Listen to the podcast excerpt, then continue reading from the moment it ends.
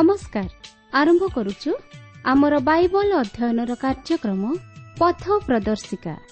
ପବିତ୍ର ବାଇବଲ କହେ ଯଦି ଆମ୍ଭେମାନେ ଆପଣା ଆପଣା ପାପ ସ୍ୱୀକାର କରୁ ତେବେ ସେ ଆମ୍ଭମାନଙ୍କର ପାପ କ୍ଷମା କରିବାକୁ ଓ ସମସ୍ତ ଅଧର୍ମରୁ ଆମ୍ଭମାନଙ୍କୁ ପରିଷ୍କାର କରିବାକୁ ବିଶ୍ୱସ୍ତ ଓ ନ୍ୟାୟବାନ ଅଟନ୍ତି। ଆସନ୍ତୁ ସେହି ଉଦ୍ଧାରକର୍ତ୍ତାଙ୍କର ପରିଚୟ ପାଇବା ନିମନ୍ତେ ଶୁଣିବା ବେତାର କାର୍ଯ୍ୟକ୍ରମ ପଥ ପ୍ରଦର୍ଶିକା।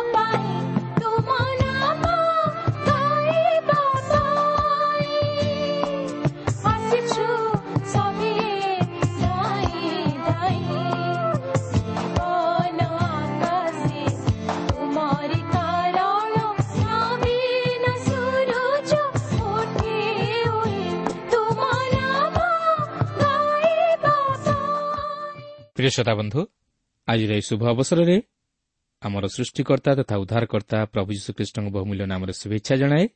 ଆଜିର ଏହି ପଥ ପ୍ରଦର୍ଶିକା କାର୍ଯ୍ୟକ୍ରମ ମଧ୍ୟକୁ ଆପଣଙ୍କୁ ସ୍ୱାଗତ ଜଣାଏ। ଆପଣଙ୍କର ସହଯୋଗ ତଥା ମତାମତ ନିମନ୍ତେ ବିଶେଷ ଧନ୍ୟବାଦ। ଆପଣଙ୍କର ଅନୁରୋଧ ରକ୍ଷା କରି ଆମେ ଏକ ଉପାଦେୟ ପୁସ୍ତକ ଆପଣଙ୍କ ନିକଟକୁ ପଠାଇଛୁ। ତାହା ଅଧ୍ୟୟନ କରନ୍ତୁ ଆଉ ତହିଁରୁ କି ଶିକ୍ଷା ଗ୍ରହଣ କଲେ ତାହା ପତ୍ର ମାଧ୍ୟମରେ ଆମକୁ ଲେଖି ଜଣାନ୍ତୁ। ଆସନ୍ତୁ ପ୍ରଭୁଙ୍କର ବାକ୍ୟ ମଧ୍ୟକୁ ଯିବା ପୂର୍ବରୁ ସଂକ୍ଷେପରେ ପ୍ରାର୍ଥନା କରିବା। ପ୍ରିୟ ପବିତ୍ର ପ୍ରଭୁ ଆମମାନଙ୍କର ସୃଷ୍ଟିକର୍ତ୍ତା ଉଦ୍ଧାରକର୍ତ୍ତା ନିତ୍ୟ ଜୀବିତ ଈଶ୍ୱର ତୁମର ଧନ୍ୟବାଦ କରୁଅଛୁ ତୁମର ଜୀବନ୍ତ ବାକ୍ୟ ପାଇଁ ଏହି ସୁଯୋଗ ପାଇଁ ହଁ ପ୍ରଭୁ ଆଜିର ଏହି ସୁବର୍ଣ୍ଣ ସୁଯୋଗରେ ତୁମେ ଆମମାନଙ୍କ ସହିତ କଥା କୁହ ତୁମର ପବିତ୍ର ଉପସ୍ଥିତି ଆମ ପ୍ରତ୍ୟେକଙ୍କୁ ଉପଲବ୍ଧି କରିବା ପାଇଁ ଦିଅ ଏବଂ ତୁମର ଏହି କାର୍ଯ୍ୟକ୍ରମ ମଧ୍ୟ ଦେଇ ପ୍ରଭୁ ତୁମେ ଆମ ପ୍ରତ୍ୟେକଙ୍କୁ ଆଶୀର୍ବାଦ କର। ଆମମାନଙ୍କୁ ଆତ୍ମିକ ଜୀବନରେ ବର୍ଦ୍ଧିଷ୍ଣୁ କରାଅ। ଯୀଶୁଙ୍କ ନାମରେ ମାଗୁଅଛୁ।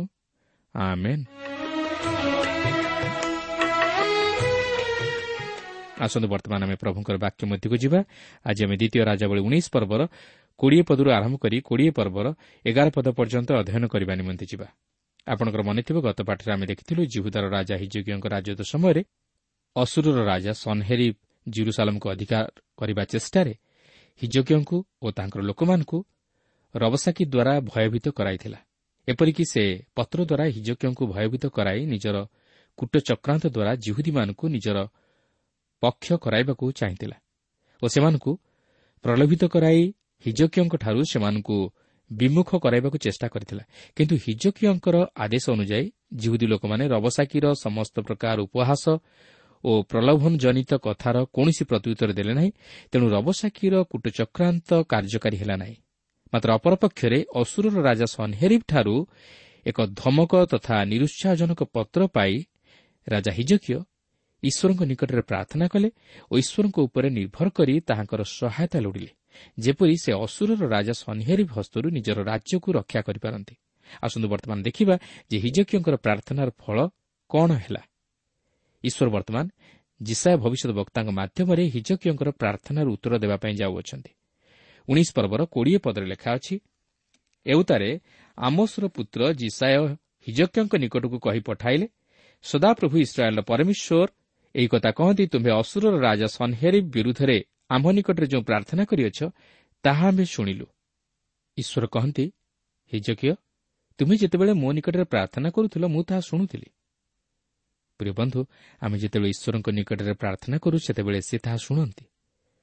ଉଣେଇଶ ପର୍ବର ଏକୋଇଶରୁ ବାଇଶ ପଦରେ ଏହିପରି ଲେଖା ଅଛି ସଦାପ୍ରଭୁ ତାହା ବିଷୟରେ ଏହି କଥା କହିଅଛନ୍ତି ସିଓନର ଅନୁଢ଼ା କନ୍ୟା ତୁମ୍ଭକୁ ତୁଚ୍ଛ କରିଅଛି ଓ ତୁମ୍ଭକୁ ପରିହାସ କରିଅଛି।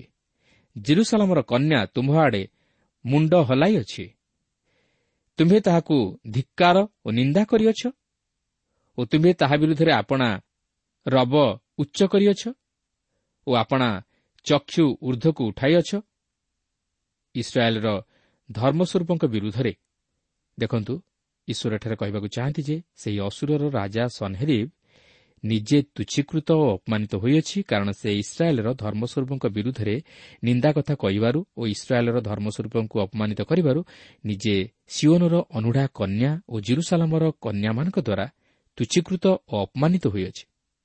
ଆପଣ ଜାଣିଥିବେ ଯେ ପୁରୁଷମାନଙ୍କ ଦ୍ୱାରା ପୁରୁଷମାନେ ବା ରାଜାମାନେ ନିନ୍ଦିତ ହେବା ବା ଅପମାନିତ ହେବା ଭିନ୍ନ ବିଷୟ। ମାତ୍ର ଯଦି ସେମାନେ ଯୁବତୀ କନ୍ୟାଗଣ ଦ୍ୱାରା ନିନ୍ଦିତ ବା ତୁଚ୍ଛୀକୃତ ବା ଅପମାନିତ ହୁଅନ୍ତି ତାହେଲେ ଏହା ସେମାନଙ୍କ ପକ୍ଷେ ସହ୍ୟ କରିବା ବଡ଼ କଷ୍ଟକର। ଏହାଠାରୁ ବଳି ଅପମାନଜନକ ବିଷୟ ଆଉ କିଛି ନାହିଁ। ଅସୁରର ରାଜା ସନ୍ହେରି ପ୍ରତି ଠିକ୍ ସେହିପରି ଘଟିଲା। ପ୍ରିୟବନ୍ଧୁ ମନୁଷ୍ୟ ମନୁଷ୍ୟ ବିରୁଦ୍ଧରେ ନିନ୍ଦା ବା ଅପମାନଜନକ କଥା କହି ରକ୍ଷା ପାଇଯାଇପାରେ କିନ୍ତୁ ଜୀବନ୍ତ ଈଶ୍ୱରଙ୍କ ବିରୁଦ୍ଧରେ କହି କେବେ ହେଲେ କେହି ରକ୍ଷା ପାଇପାରିବ ନାହିଁ। ସେ ତହିଁର ପ୍ରତିଫଳ ନିଶ୍ଚୟ ଭୋଗ କରିବ। ଏଥିରେ ତିଳେ ହେଲେ ସନ୍ଦେହ ନାହିଁ। ଦେଖନ୍ତୁ ଈଶ୍ୱର ସେହି ଅସୁରର ସୈନ୍ୟଶ୍ରେଣୀକୁ ବିନାଶ କରିବା ନିମନ୍ତେ ଯାଉଅଛନ୍ତି। ଉଣେଇଶ ପର୍ବର ତେଇଶରୁ ଚବିଶ ପଦ ମଧ୍ୟରେ ଆମେ ଦେଖୁ ଯେ ଈଶ୍ୱର ଏଠାରେ ସେହି ଅସୁରର ରାଜାର ଅହଙ୍କାରଜନକ କଥା ସବୁକୁ ପୁନରାବୃତ୍ତି କରି କହନ୍ତି ଯେ ସେ ଭାବୁଛି ପର୍ବତଗଣ ତାହାର ପ୍ରତିରୋଧ କରିପାରିବେ ନାହିଁ। ମରୁଭୂମି ତାହାର ଗତିର ପ୍ରତିରୋଧ କରିପାରିବ ନାହିଁ। ସେ ଜଳ ନିମନ୍ତେ କୂପ ଖନନ କରେ ନଦୀ ମଧ୍ୟ ତାହାର ଗତିର ପ୍ରତିରୋଧ କରିପାରିବ ନାହିଁ। ସେ ତାହାକୁ ଶୁଷ୍କ କରି ତହିଁ ମଧ୍ୟରେ ପଥ ବାହାର କରିଦେବ। କିନ୍ତୁ ଏହା ଯେ ଇସ୍ରାଏଲ୍ର ଈଶ୍ୱରଙ୍କ ଶକ୍ତିର କାର୍ଯ୍ୟ ଏହା ସେ ଜାଣିପାରୁନାହିଁ। ତେଣୁ ଈଶ୍ୱର ବର୍ତ୍ତମାନ ସେହି ଅସୁରର ରାଜାକୁ ଲକ୍ଷ୍ୟ କରି ତାହାକୁ ଜଣାଇ ଦେବାକୁ ଚାହାନ୍ତି ଯେ ସେ ଯେଉଁ ସମସ୍ତ କାର୍ଯ୍ୟ କରିଅଛି ତାହା କେବଳ ଈଶ୍ୱରଙ୍କ ଆଡ଼ୁ ଘଟିଅଛି ଓ ତାହା ଈଶ୍ୱରଙ୍କ ଶକ୍ତିର କାର୍ଯ୍ୟ। ତେଣୁ ଈଶ୍ୱର ସନ୍ହେରିବ୍କୁ କହନ୍ତି କୌଣସି ଜାତି ବା ଗୋଷ୍ଠୀର ଉତ୍ଥାନ ବା ପତନ କେବଳ ତାହାଙ୍କ ହସ୍ତରେ ଅଛି ଓ ସେ ତାହା ସାଧନ କରନ୍ତି। ଏପରିକି ଜିସାୟ ଭବିଷ୍ୟତ ବକ୍ତା ପୂର୍ବରୁ ଲେଖିଅଛନ୍ତି ଯାହାକି ଜିସାୟ ଦଶ ପର୍ବର ପାଞ୍ଚ ପଦରେ ଲେଖା ଅଛି ହାୟ ଅସୁର ସେ ଆମ୍ଭର କ୍ରୋଧରୂପ ଦଣ୍ଡ ତାହାର ହସ୍ତରେ ଆମ୍ଭର କୋପରୂପ ଜଷ୍ଟି ଅଛି। ତେବେ ଦେଖନ୍ତୁ ଈଶ୍ୱର ସେହି ସନ୍ହେରିବ୍କୁ ଏହିପରି କହନ୍ତି ଯାହାକି ଉଣେଇଶ ପର୍ବର ପଚିଶ ଓ ଛବିଶ ପଦରେ ଲେଖା ଅଛି କିପରି ଆମ୍ଭେ ଦୀର୍ଘକାଳରୁ ଏହା ନିରୂପଣ କରିଅଛୁ ଓ ପୂର୍ବକାଳରୁ ଏହା ସ୍ଥିର କରିଅଛୁ ଏହା କ'ଣ ତୁମେ ଶୁଣିନାହଁ? ତୁମେ ଯେ ପ୍ରାଚୀର ବେଷ୍ଟିତ ନଗରମାନ ବିନାଶ କରି ସେସବୁକୁ ଢିପି କରିବ ଏହା ଏବେ ଆମ୍ଭେ ସଫଳ କରିଅଛୁ। ଏହେତୁ ତନିବାସୀଗଣ ଅଳ୍ପ ଶକ୍ତି ବିଶିଷ୍ଟ ହେଲେ ସେମାନେ ହତାଶ ଓ ଉଦ୍ବିଗ୍ନ ହେଲେ ସେମାନେ କ୍ଷେତ୍ରର ଶାକ ଓ ନବୀନ ତୃଣ ଗୃହ ଛାତ ଉପରିସ୍ଥ ଘାସ ଓ ଅପକ୍ୱ ଅବସ୍ଥାରେ ଶୁଷ୍କ ଶସ୍ୟତୁଲ୍ୟ ହେଲେ। ଈଶ୍ୱର ଏହିପରି ପ୍ରକାଶ କରିବାର ଅର୍ଥ ସେ ସନ୍ହେରିବ୍କୁ ଜଣାଇ ଦେବାକୁ ଚାହିଁଥିଲେ ଯେ ଏହା ତାହାର ସୈନ୍ୟବଳ ନେଇ ନୁହେଁ। ମାତ୍ର ଈଶ୍ୱର ନିଜେ ସେମାନଙ୍କ ହୃଦୟରେ ସେହି ଭୟ ଓ ଉଦ୍ବିଗ୍ନତା ଜାତ କରାଇଥିଲେ। ଏହାପରେ ସତେଇଶ ଓ ଅଠେଇଶ ପଦରେ ଆମେ ଦେଖୁ ଈଶ୍ୱର ଏଠାରେ ସେହି ଅସୁରର ରାଜା ସନ୍ହେରିବ୍କୁ କହନ୍ତି ତୁମ୍ଭେ ମୋହର ରାଜ୍ୟକୁ ଆସି ନିଜ ବିଷୟରେ ଦର୍ପର କଥା କହୁଅଛ। ବର୍ତ୍ତମାନ ମୁଁ ତୁମ୍ଭର ନାସିକାରେ ଆପଣା ଅଙ୍କୁଶ ଲଗାଇ ତୁମ୍ଭକୁ ମୋର ରାଜ୍ୟ ମଧ୍ୟରୁ ବିତାଡ଼ିତ କରି ତୁମ୍ଭର ଗୃହକୁ ପଠାଇଦେବି। ତୁମେ ବିଫଳ ହୋଇ ଫେରିଯିବ ଓ ଅପମାନିତ ହେବ। ଏହାପରେ ଉଣେଇଶ ପର୍ବର ଅଣତିରିଶ ପଦରେ ଲେଖା ଅଛି ଏଣୁ ହିଜକିୟ ତୁମ୍ଭ ପ୍ରତି ଏହି ଚିହ୍ନ ହେବ। ତୁମ୍ଭେମାନେ ଏହି ବର୍ଷ ସ୍ୱୟଂ ଉତ୍ପନ୍ନ ଶସ୍ୟ ଓ ଦ୍ୱିତୀୟ ବର୍ଷ ତହିଁରୁ ଅଙ୍କୁରିତ ଶସ୍ୟ ଭୋଜନ କରିବ। ପୁଣି ତୃତୀୟ ବର୍ଷ ତୁମମାନେ ବୁଣ ଓ କାଟ ଓ ଦ୍ରାକ୍ଷା କ୍ଷେତ୍ର କରି ତହିଁର ଫଳ ଭୋଜନ କର। ବର୍ତ୍ତମାନ ସଦାପ୍ରଭୁ ହିଯଜ୍ଞଙ୍କୁ ସାନ୍ତ୍ୱନା ଦେଇ କହୁଛନ୍ତି ହିଯଜ୍ଞ ତୁମର ଲୋକମାନଙ୍କ ନିମନ୍ତେ ଶସ୍ୟର ଆଉ ଅଭାବ ଘଟିବ ନାହିଁ। କି କ୍ଷେତ୍ରରେ ଶସ୍ୟ ବୁଣିବା ନିମନ୍ତେ ବା କାଟିବା ନିମନ୍ତେ ଅଥବା ଦ୍ରାକ୍ଷା କ୍ଷେତ୍ର କରି ତହିଁର ଫଳ ଭୋଜନ କରିବା ନିମନ୍ତେ ଆଉ କୌଣସି ଅସୁବିଧା ହେବ ନାହିଁ।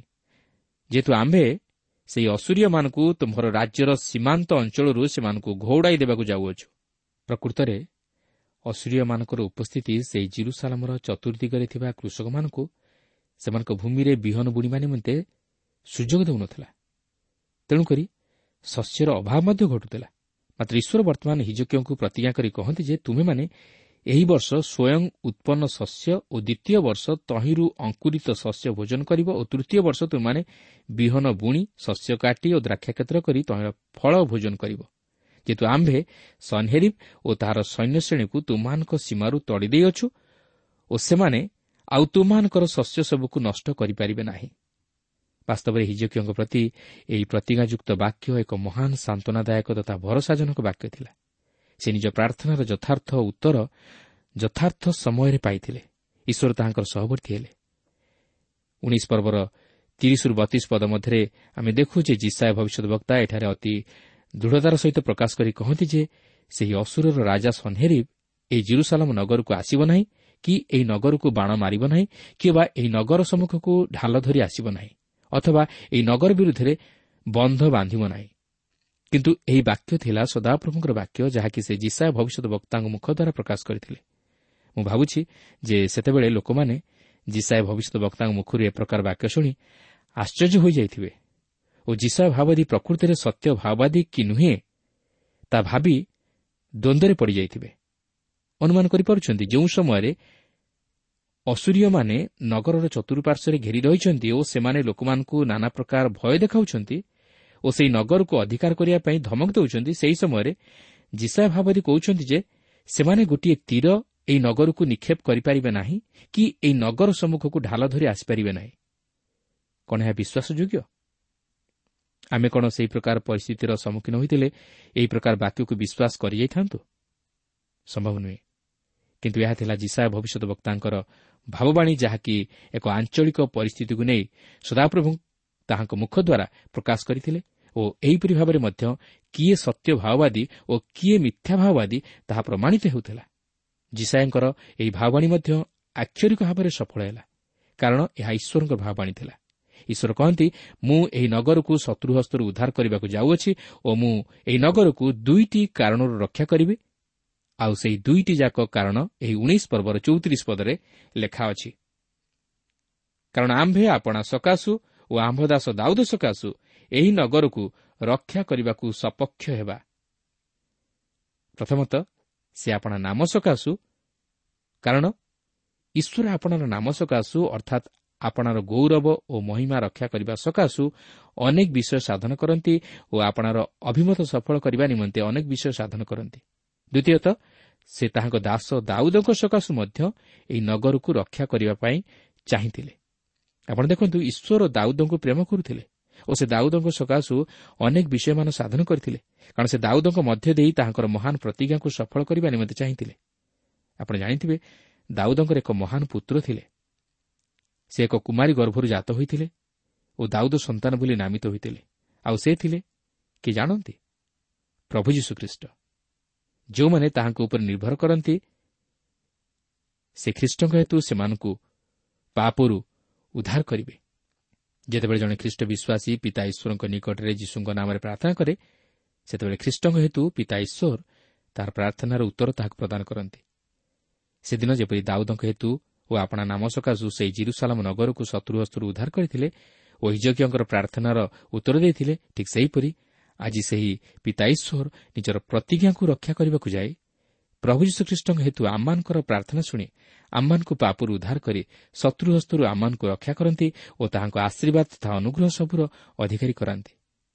ଏହାପରେ ଉଣେଇଶ ପର୍ବର ପଞ୍ଚତିରିଶ ପଦରେ ଆମେ ଦେଖୁ ଯେ ଲେଖା ଅଛି ଅନନ୍ତର ସେହି ରାତ୍ରି ସଦାପ୍ରଭୁଙ୍କ ଦୂତ ବାହାରି ଅସୁରୀୟମାନଙ୍କ ଛାଉଣିରେ ଏକ ଲକ୍ଷ ପଞ୍ଚାଅଶୀ ସହସ୍ର ଲୋକ ସଂହାର କଲେ। ପୁଣି ଲୋକମାନେ ଅତି ପ୍ରଭାତରେ ଉଠନ୍ତେ ଦେଖ ସେ ସମସ୍ତେ ମୃତ ଶବ ହୋଇଅଛନ୍ତି। ଏହା ହିଁ ଥିଲା ଈଶ୍ୱରଙ୍କର ଆଶ୍ଚର୍ଯ୍ୟ କର୍ମ। ସଦାପ୍ରଭୁ ଯିଶା ଭାବାଦୀଙ୍କ ମୁଖ ଦ୍ୱାରା ଯାହା ପ୍ରକାଶ କରିଥିଲେ ତାହା ଆକ୍ଷରିକ ଭାବେ ସଫଳ କଲେ। ସେହି ରାତ୍ରି ସଦାପ୍ରଭୁଙ୍କ ଦୂତ ଅସୁରୀୟମାନଙ୍କ ଛାଉଣିରେ ଏକ ଲକ୍ଷ ପଞ୍ଚାଅଶୀ ସହସ୍ର ଲୋକଙ୍କୁ ସଂହାର କଲେ। ସେମାନେ ଆଉ ପ୍ରାତକାଳ ପର୍ଯ୍ୟନ୍ତ ମଧ୍ୟ ଜୀବିତ ରହିପାରିଲେ ନାହିଁ। ଏହା ଭାବିଲେ ମଧ୍ୟ ବଡ଼ ଆଶ୍ଚର୍ଯ୍ୟ ଲାଗେ। ମାତ୍ର ଈଶ୍ୱରଙ୍କ ନିକଟରେ କୌଣସି ବିଷୟ ଆଶ୍ଚର୍ଯ୍ୟ ନୁହେଁ। ସେ ଚାହିଁଲେ ଯେକୌଣସି ବିଷୟ ଯେକୌଣସି ସମୟରେ ସାଧନ କରିପାରିବେ।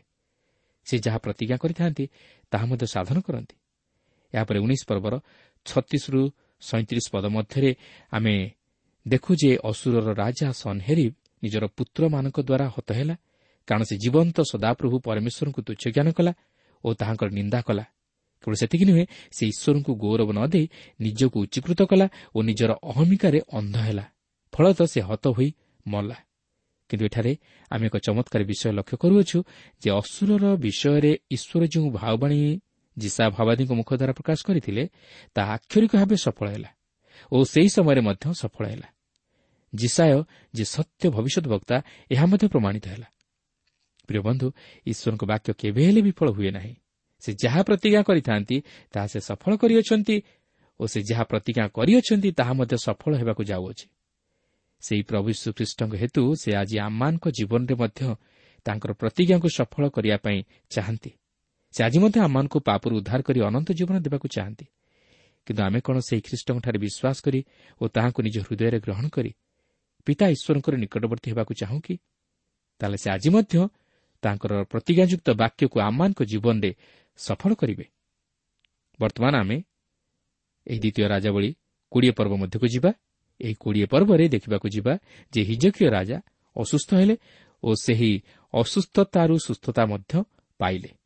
ତେବେ ଏହି ପର୍ବଟି ଅତି ମହତ୍ୱପୂର୍ଣ୍ଣ କାରଣ ଏହି ପର୍ବରେ ଅସୁସ୍ଥତା ଓ ସୁସ୍ଥତା ବିଷୟ ନେଇ ପ୍ରକାଶ କରାଯାଇଅଛି ଯାହାକି ହିଜକୀୟ ନିଜର ଜୀବନର ଅନୁଭୂତି ମଧ୍ୟ ଦେଇ ଗତି କରିଥିଲେ। କିନ୍ତୁ ଏହି ବିଷୟଟିକୁ ଅଧ୍ୟୟନ କରିବାକୁ ଯିବା ପୂର୍ବରୁ ଆମେ ସ୍ମରଣ ରଖିବା ଉଚିତ ଯେ ହିଜକୀୟ ଜଣେ ଉତ୍ତମ ରାଜା ଥିଲେ।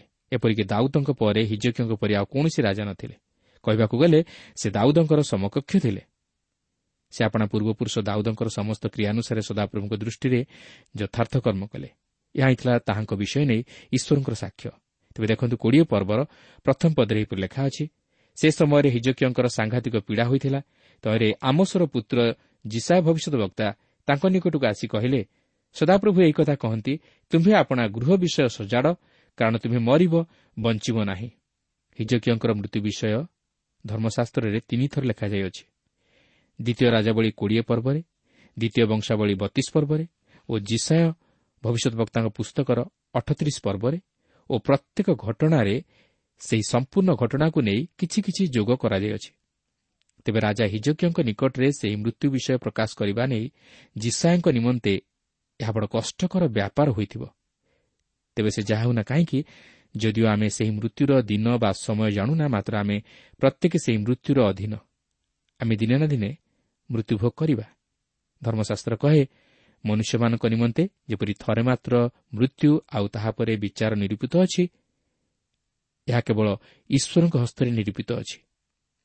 ତେବେ ହିଜକୀୟ ଯେତେବେଳେ ତାହାଙ୍କର ମୃତ୍ୟୁ ବିଷୟ ନେଇ ସମ୍ବାଦ ପାଇଛନ୍ତି ସେତେବେଳେ ସେ ନିଜର ଜୀବନକୁ ସମୀକ୍ଷା କରିଛନ୍ତି। ଓ ସେ ସଦାପ୍ରଭୁଙ୍କ ନିକଟରେ ଏହିପରି ପ୍ରାର୍ଥନା କରୁଅଛନ୍ତି ଯାହାକି ଏହି କୋଡ଼ିଏ ପର୍ବର ଦୁଇ ଓ ତିନି ପଦରେ ଲେଖା ଅଛି।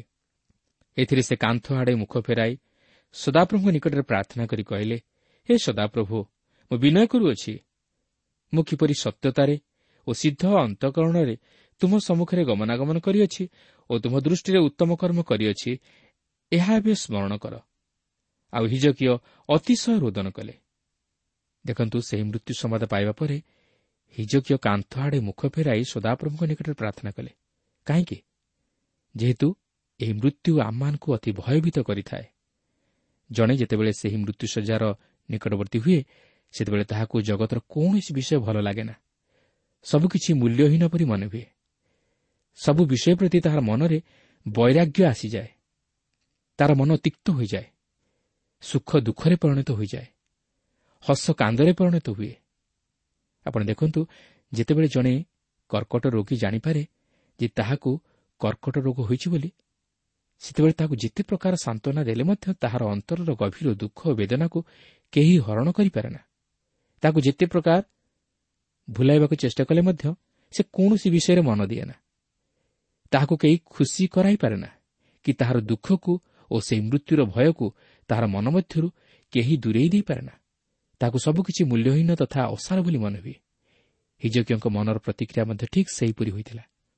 ତାଙ୍କୁ ସବୁକିଛି ମୂଲ୍ୟହୀନ ପରି ବୋଧ ହେଲା। ସେ ଆଉ ଜଗତର କୌଣସି ବିଷୟ ପ୍ରତି ଦୃଷ୍ଟି କରିବାକୁ ଚାହିଁଲେ ନାହିଁ। ତେଣୁକରି ସେ କାନ୍ଥ ଆଡ଼େ ମୁଖ ଫେରାଇ ସଦାପ୍ରଭୁଙ୍କ ନିକଟରେ ନିଜର ସୁସ୍ଥତା ନିମନ୍ତେ ପ୍ରାର୍ଥନା କରିବାକୁ ଲାଗିଲେ ଓ ସେ ନିଜର ଜୀବନର ପ୍ରତ୍ୟେକଟି ଘଟଣାକୁ ସମୀକ୍ଷା କରିବା ସଙ୍ଗେ ସଙ୍ଗେ ଅତିଶୟ ରୋଦନ କଲେ। ସେ ସଦାପ୍ରଭୁଙ୍କ ନିକଟରେ ନିଜକୁ ସମର୍ପଣ କଲେ। କାରଣ ଏହା ବ୍ୟତୀତ ତାହାଙ୍କର ଅନ୍ୟ ଉପାୟ ଆଉ କିଛି ନଥିଲା। ଏହା ହିଁ ଥିଲା ତାହାଙ୍କର ଏକମାତ୍ର କର୍ତ୍ତବ୍ୟ। ହଁ ପ୍ରିୟ ବନ୍ଧୁ ଏହି ପ୍ରକାର ପରିସ୍ଥିତି ମଧ୍ୟ ଦେଇ ଗତି କରିବା ସମୟରେ ଆମେ ପ୍ରଭୁଙ୍କ ନିକଟରେ ପ୍ରାର୍ଥନାର ସହିତ ନିଜର ଜୀବନକୁ ସମର୍ପଣ କରିବା ଉଚିତ ଓ ପ୍ରଭୁଙ୍କ ଇଚ୍ଛାକୁ ମାନିନେବା ଉଚିତ। ତାହାଙ୍କଠାରୁ ସୁସ୍ଥତା ଅପେକ୍ଷା କରିବା ଉଚିତ। ତେବେ ଦେଖନ୍ତୁ ଈଶ୍ୱର ହିଜକିୟଙ୍କର ପ୍ରାର୍ଥନା ଶୁଣି ତାହାଙ୍କ ପ୍ରତି କ'ଣ ଘଟାଇବା ପାଇଁ ଯାଉଅଛନ୍ତି। କୋଡ଼ିଏ ପର୍ବର ଚାରି ଓ ପାଞ୍ଚ ପଦ ମଧ୍ୟରେ ଆମେ ଦେଖୁ ଯେ ସଦାପ୍ରଭୁ ହିଜକିୟଙ୍କ ଚକ୍ଷୁର ଲୋତକକୁ ଦେଖିଲେ ତାହାଙ୍କ ମନର ଭାବକୁ ଜାଣିଲେ ସେ ଯେ ଆଉ କିଛି ଦିନ ବଞ୍ଚି ରହିବାକୁ ଚାହାନ୍ତି ଓ ସୁସ୍ଥତା ଚାହାନ୍ତି ତାହା ସେ ବୁଝିଲେ। ସେ ଆଜି ମଧ୍ୟ ଆମ ପ୍ରତ୍ୟେକଙ୍କର ଲୁହକୁ ଦେଖନ୍ତି। ଯେତେବେଳେ ଆମେ ମରଣାନ୍ତକ ରୋଗରେ ବା ବିପଦ ଅଥବା ଦୁର୍ଘଟଣାର ସମ୍ମୁଖୀନ ହୋଇ ତାହାଙ୍କ ନିକଟରେ କ୍ରନ୍ଦନ କରୁ ସେତେବେଳେ ସେ ଆମମାନଙ୍କର ଦୁଃଖ ଓ କାତର ନିବେଦନକୁ ଶୁଣି ଆମମାନଙ୍କୁ ବଞ୍ଚି ରହିବା ନିମନ୍ତେ ସୁଯୋଗ ଦିଅନ୍ତି ଓ ଏକ ମହତ୍ ଉଦ୍ଦେଶ୍ୟ ନେଇ ଆମମାନଙ୍କୁ ବଞ୍ଚାଇ ରଖନ୍ତି ଯେପରି ଆମେ ତାହା ସଫଳ କରି ଈଶ୍ୱରଙ୍କ ଗୌରବ ଓ ମହିମା ରକ୍ଷା କରୁ। ଯଦି ଆପଣ ଆଜି ହିଜକ୍ଷଙ୍କ ପରି ଅନୁଭୂତି ମଧ୍ୟ ଦେଇ ଆସିଛନ୍ତି। ତାହେଲେ ଚିନ୍ତା କରନ୍ତୁ ଆପଣ ପ୍ରଭୁଙ୍କ ନିମନ୍ତେ କ'ଣ କରିପାରିଛନ୍ତି? ହଁ ମୃତ୍ୟୁ ତ ପ୍ରତ୍ୟେକ ମନୁଷ୍ୟର ଜୀବନରେ ଆସିବ। ମାତ୍ର ମୃତ୍ୟୁ ପୂର୍ବରୁ ଆମେ ପ୍ରଭୁଙ୍କ ନିମନ୍ତେ କ'ଣ ପ୍ରସ୍ତୁତ ରହିପାରିଛୁ? ଆମେ ତାହାଙ୍କ ନିମନ୍ତେ କ'ଣ କରିପାରିଛୁ ବା କ'ଣ କରିବାକୁ ପ୍ରସ୍ତୁତ ଅଛୁ ଅଥବା ପ୍ରତିଜ୍ଞା କରିଅଛୁ ତାହା ସମୀକ୍ଷା କରି ତାହାକୁ ସଫଳ କରିବା ହେଉଛି ଜଣେ ଖ୍ରୀଷ୍ଟ ବିଶ୍ୱାସର ବିଶ୍ୱସ୍ତତା ସତ୍ୟତା ତଥା ଈଶ୍ୱରଙ୍କ ପ୍ରତି ବାଧ୍ୟତାର ଜୀବନକୁ ପ୍ରତିପାଦିତ କରେ। କୋଡ଼ିଏ ପର୍ବର ଛଅ ପଦରେ ଆମେ ଦେଖୁ ଯେ ଲେଖା ଅଛି ତୁମେ ମରିବ ବଞ୍ଚିବ ନାହିଁ। ଏହି ବାକ୍ୟଟି ହିଜକଙ୍କ ପ୍ରସ୍ତୁତି ନିମନ୍ତେ ଏକ ଆହ୍ୱାନଜନକ ବାକ୍ୟ ଥିଲା। ଏହା ଅମଙ୍ଗଳର ନିମନ୍ତେ ନୁହେଁ ମାତ୍ର ମଙ୍ଗଳର ନିମନ୍ତେ ଥିଲା। ଏହା ହିଜକଙ୍କ ପ୍ରତି ଏକ ହତୋତ୍ସାହଜନକ ବାକ୍ୟ ନ ଥିଲା ମାତ୍ର ଉତ୍ସାହଜନକ ଥିଲା। ବିଶ୍ୱାସକୁ ଦୁର୍ବଳ କରିବା ନିମନ୍ତେ ନ ଥିଲା ମାତ୍ର ସବଳ କରିବା ନିମନ୍ତେ ଥିଲା। ତାହା ହିଁ ଆମେ ଏହି ଅଂଶରେ ଲକ୍ଷ୍ୟ କରୁଅଛୁ। ଈଶ୍ୱର ଏଠାରେ ହିଜକୀୟଙ୍କ ପ୍ରତି ଏକ ସାନ୍ତ୍ୱନାଜନକ ଉତ୍ସାହଜନକ ତଥା ଭରସାଜନକ ବାକ୍ୟ ପ୍ରେରଣ କରୁଅଛନ୍ତି। ସେ କହନ୍ତି ଆମେ ତୁମର ଦିନ ପନ୍ଦର ବର୍ଷ ବୃଦ୍ଧି କରିବା।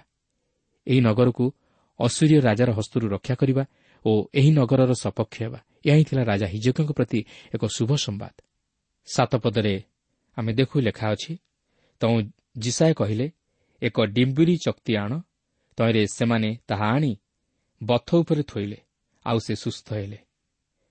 ଈଶ୍ୱର ପ୍ରାକୃତିକ ଉପାୟରେ ହିଜକଙ୍କୁ ସୁସ୍ଥତା ପ୍ରଦାନ କରନ୍ତି ଓ ସେ ମଧ୍ୟ ଅଲୌକିକ ଶକ୍ତି ବ୍ୟବହାର କରନ୍ତି ବାସ୍ତବରେ ଈଶ୍ୱର ଅନେକ କ୍ଷେତ୍ରରେ ପ୍ରାକୃତିକ ଉପାୟରେ ଓ ଐଶ୍ୱରିକ ଶକ୍ତିରେ ସୁସ୍ଥତା ପ୍ରଦାନ କରିଥାନ୍ତି କିନ୍ତୁ ଆମେ ଈଶ୍ୱରଙ୍କ ନିକଟରେ ପ୍ରାର୍ଥନା କରି ତାହାଙ୍କଠାରୁ ସୁସ୍ଥତା ଅପେକ୍ଷା କରିବା ଆବଶ୍ୟକ ଯେହେତୁ ସେ ହେଉଛନ୍ତି ପରମ ବୈଦ୍ୟ ଓ ସୁସ୍ଥତା ତାଙ୍କଠାରୁ ହିଁ ଆସିଥାଏ।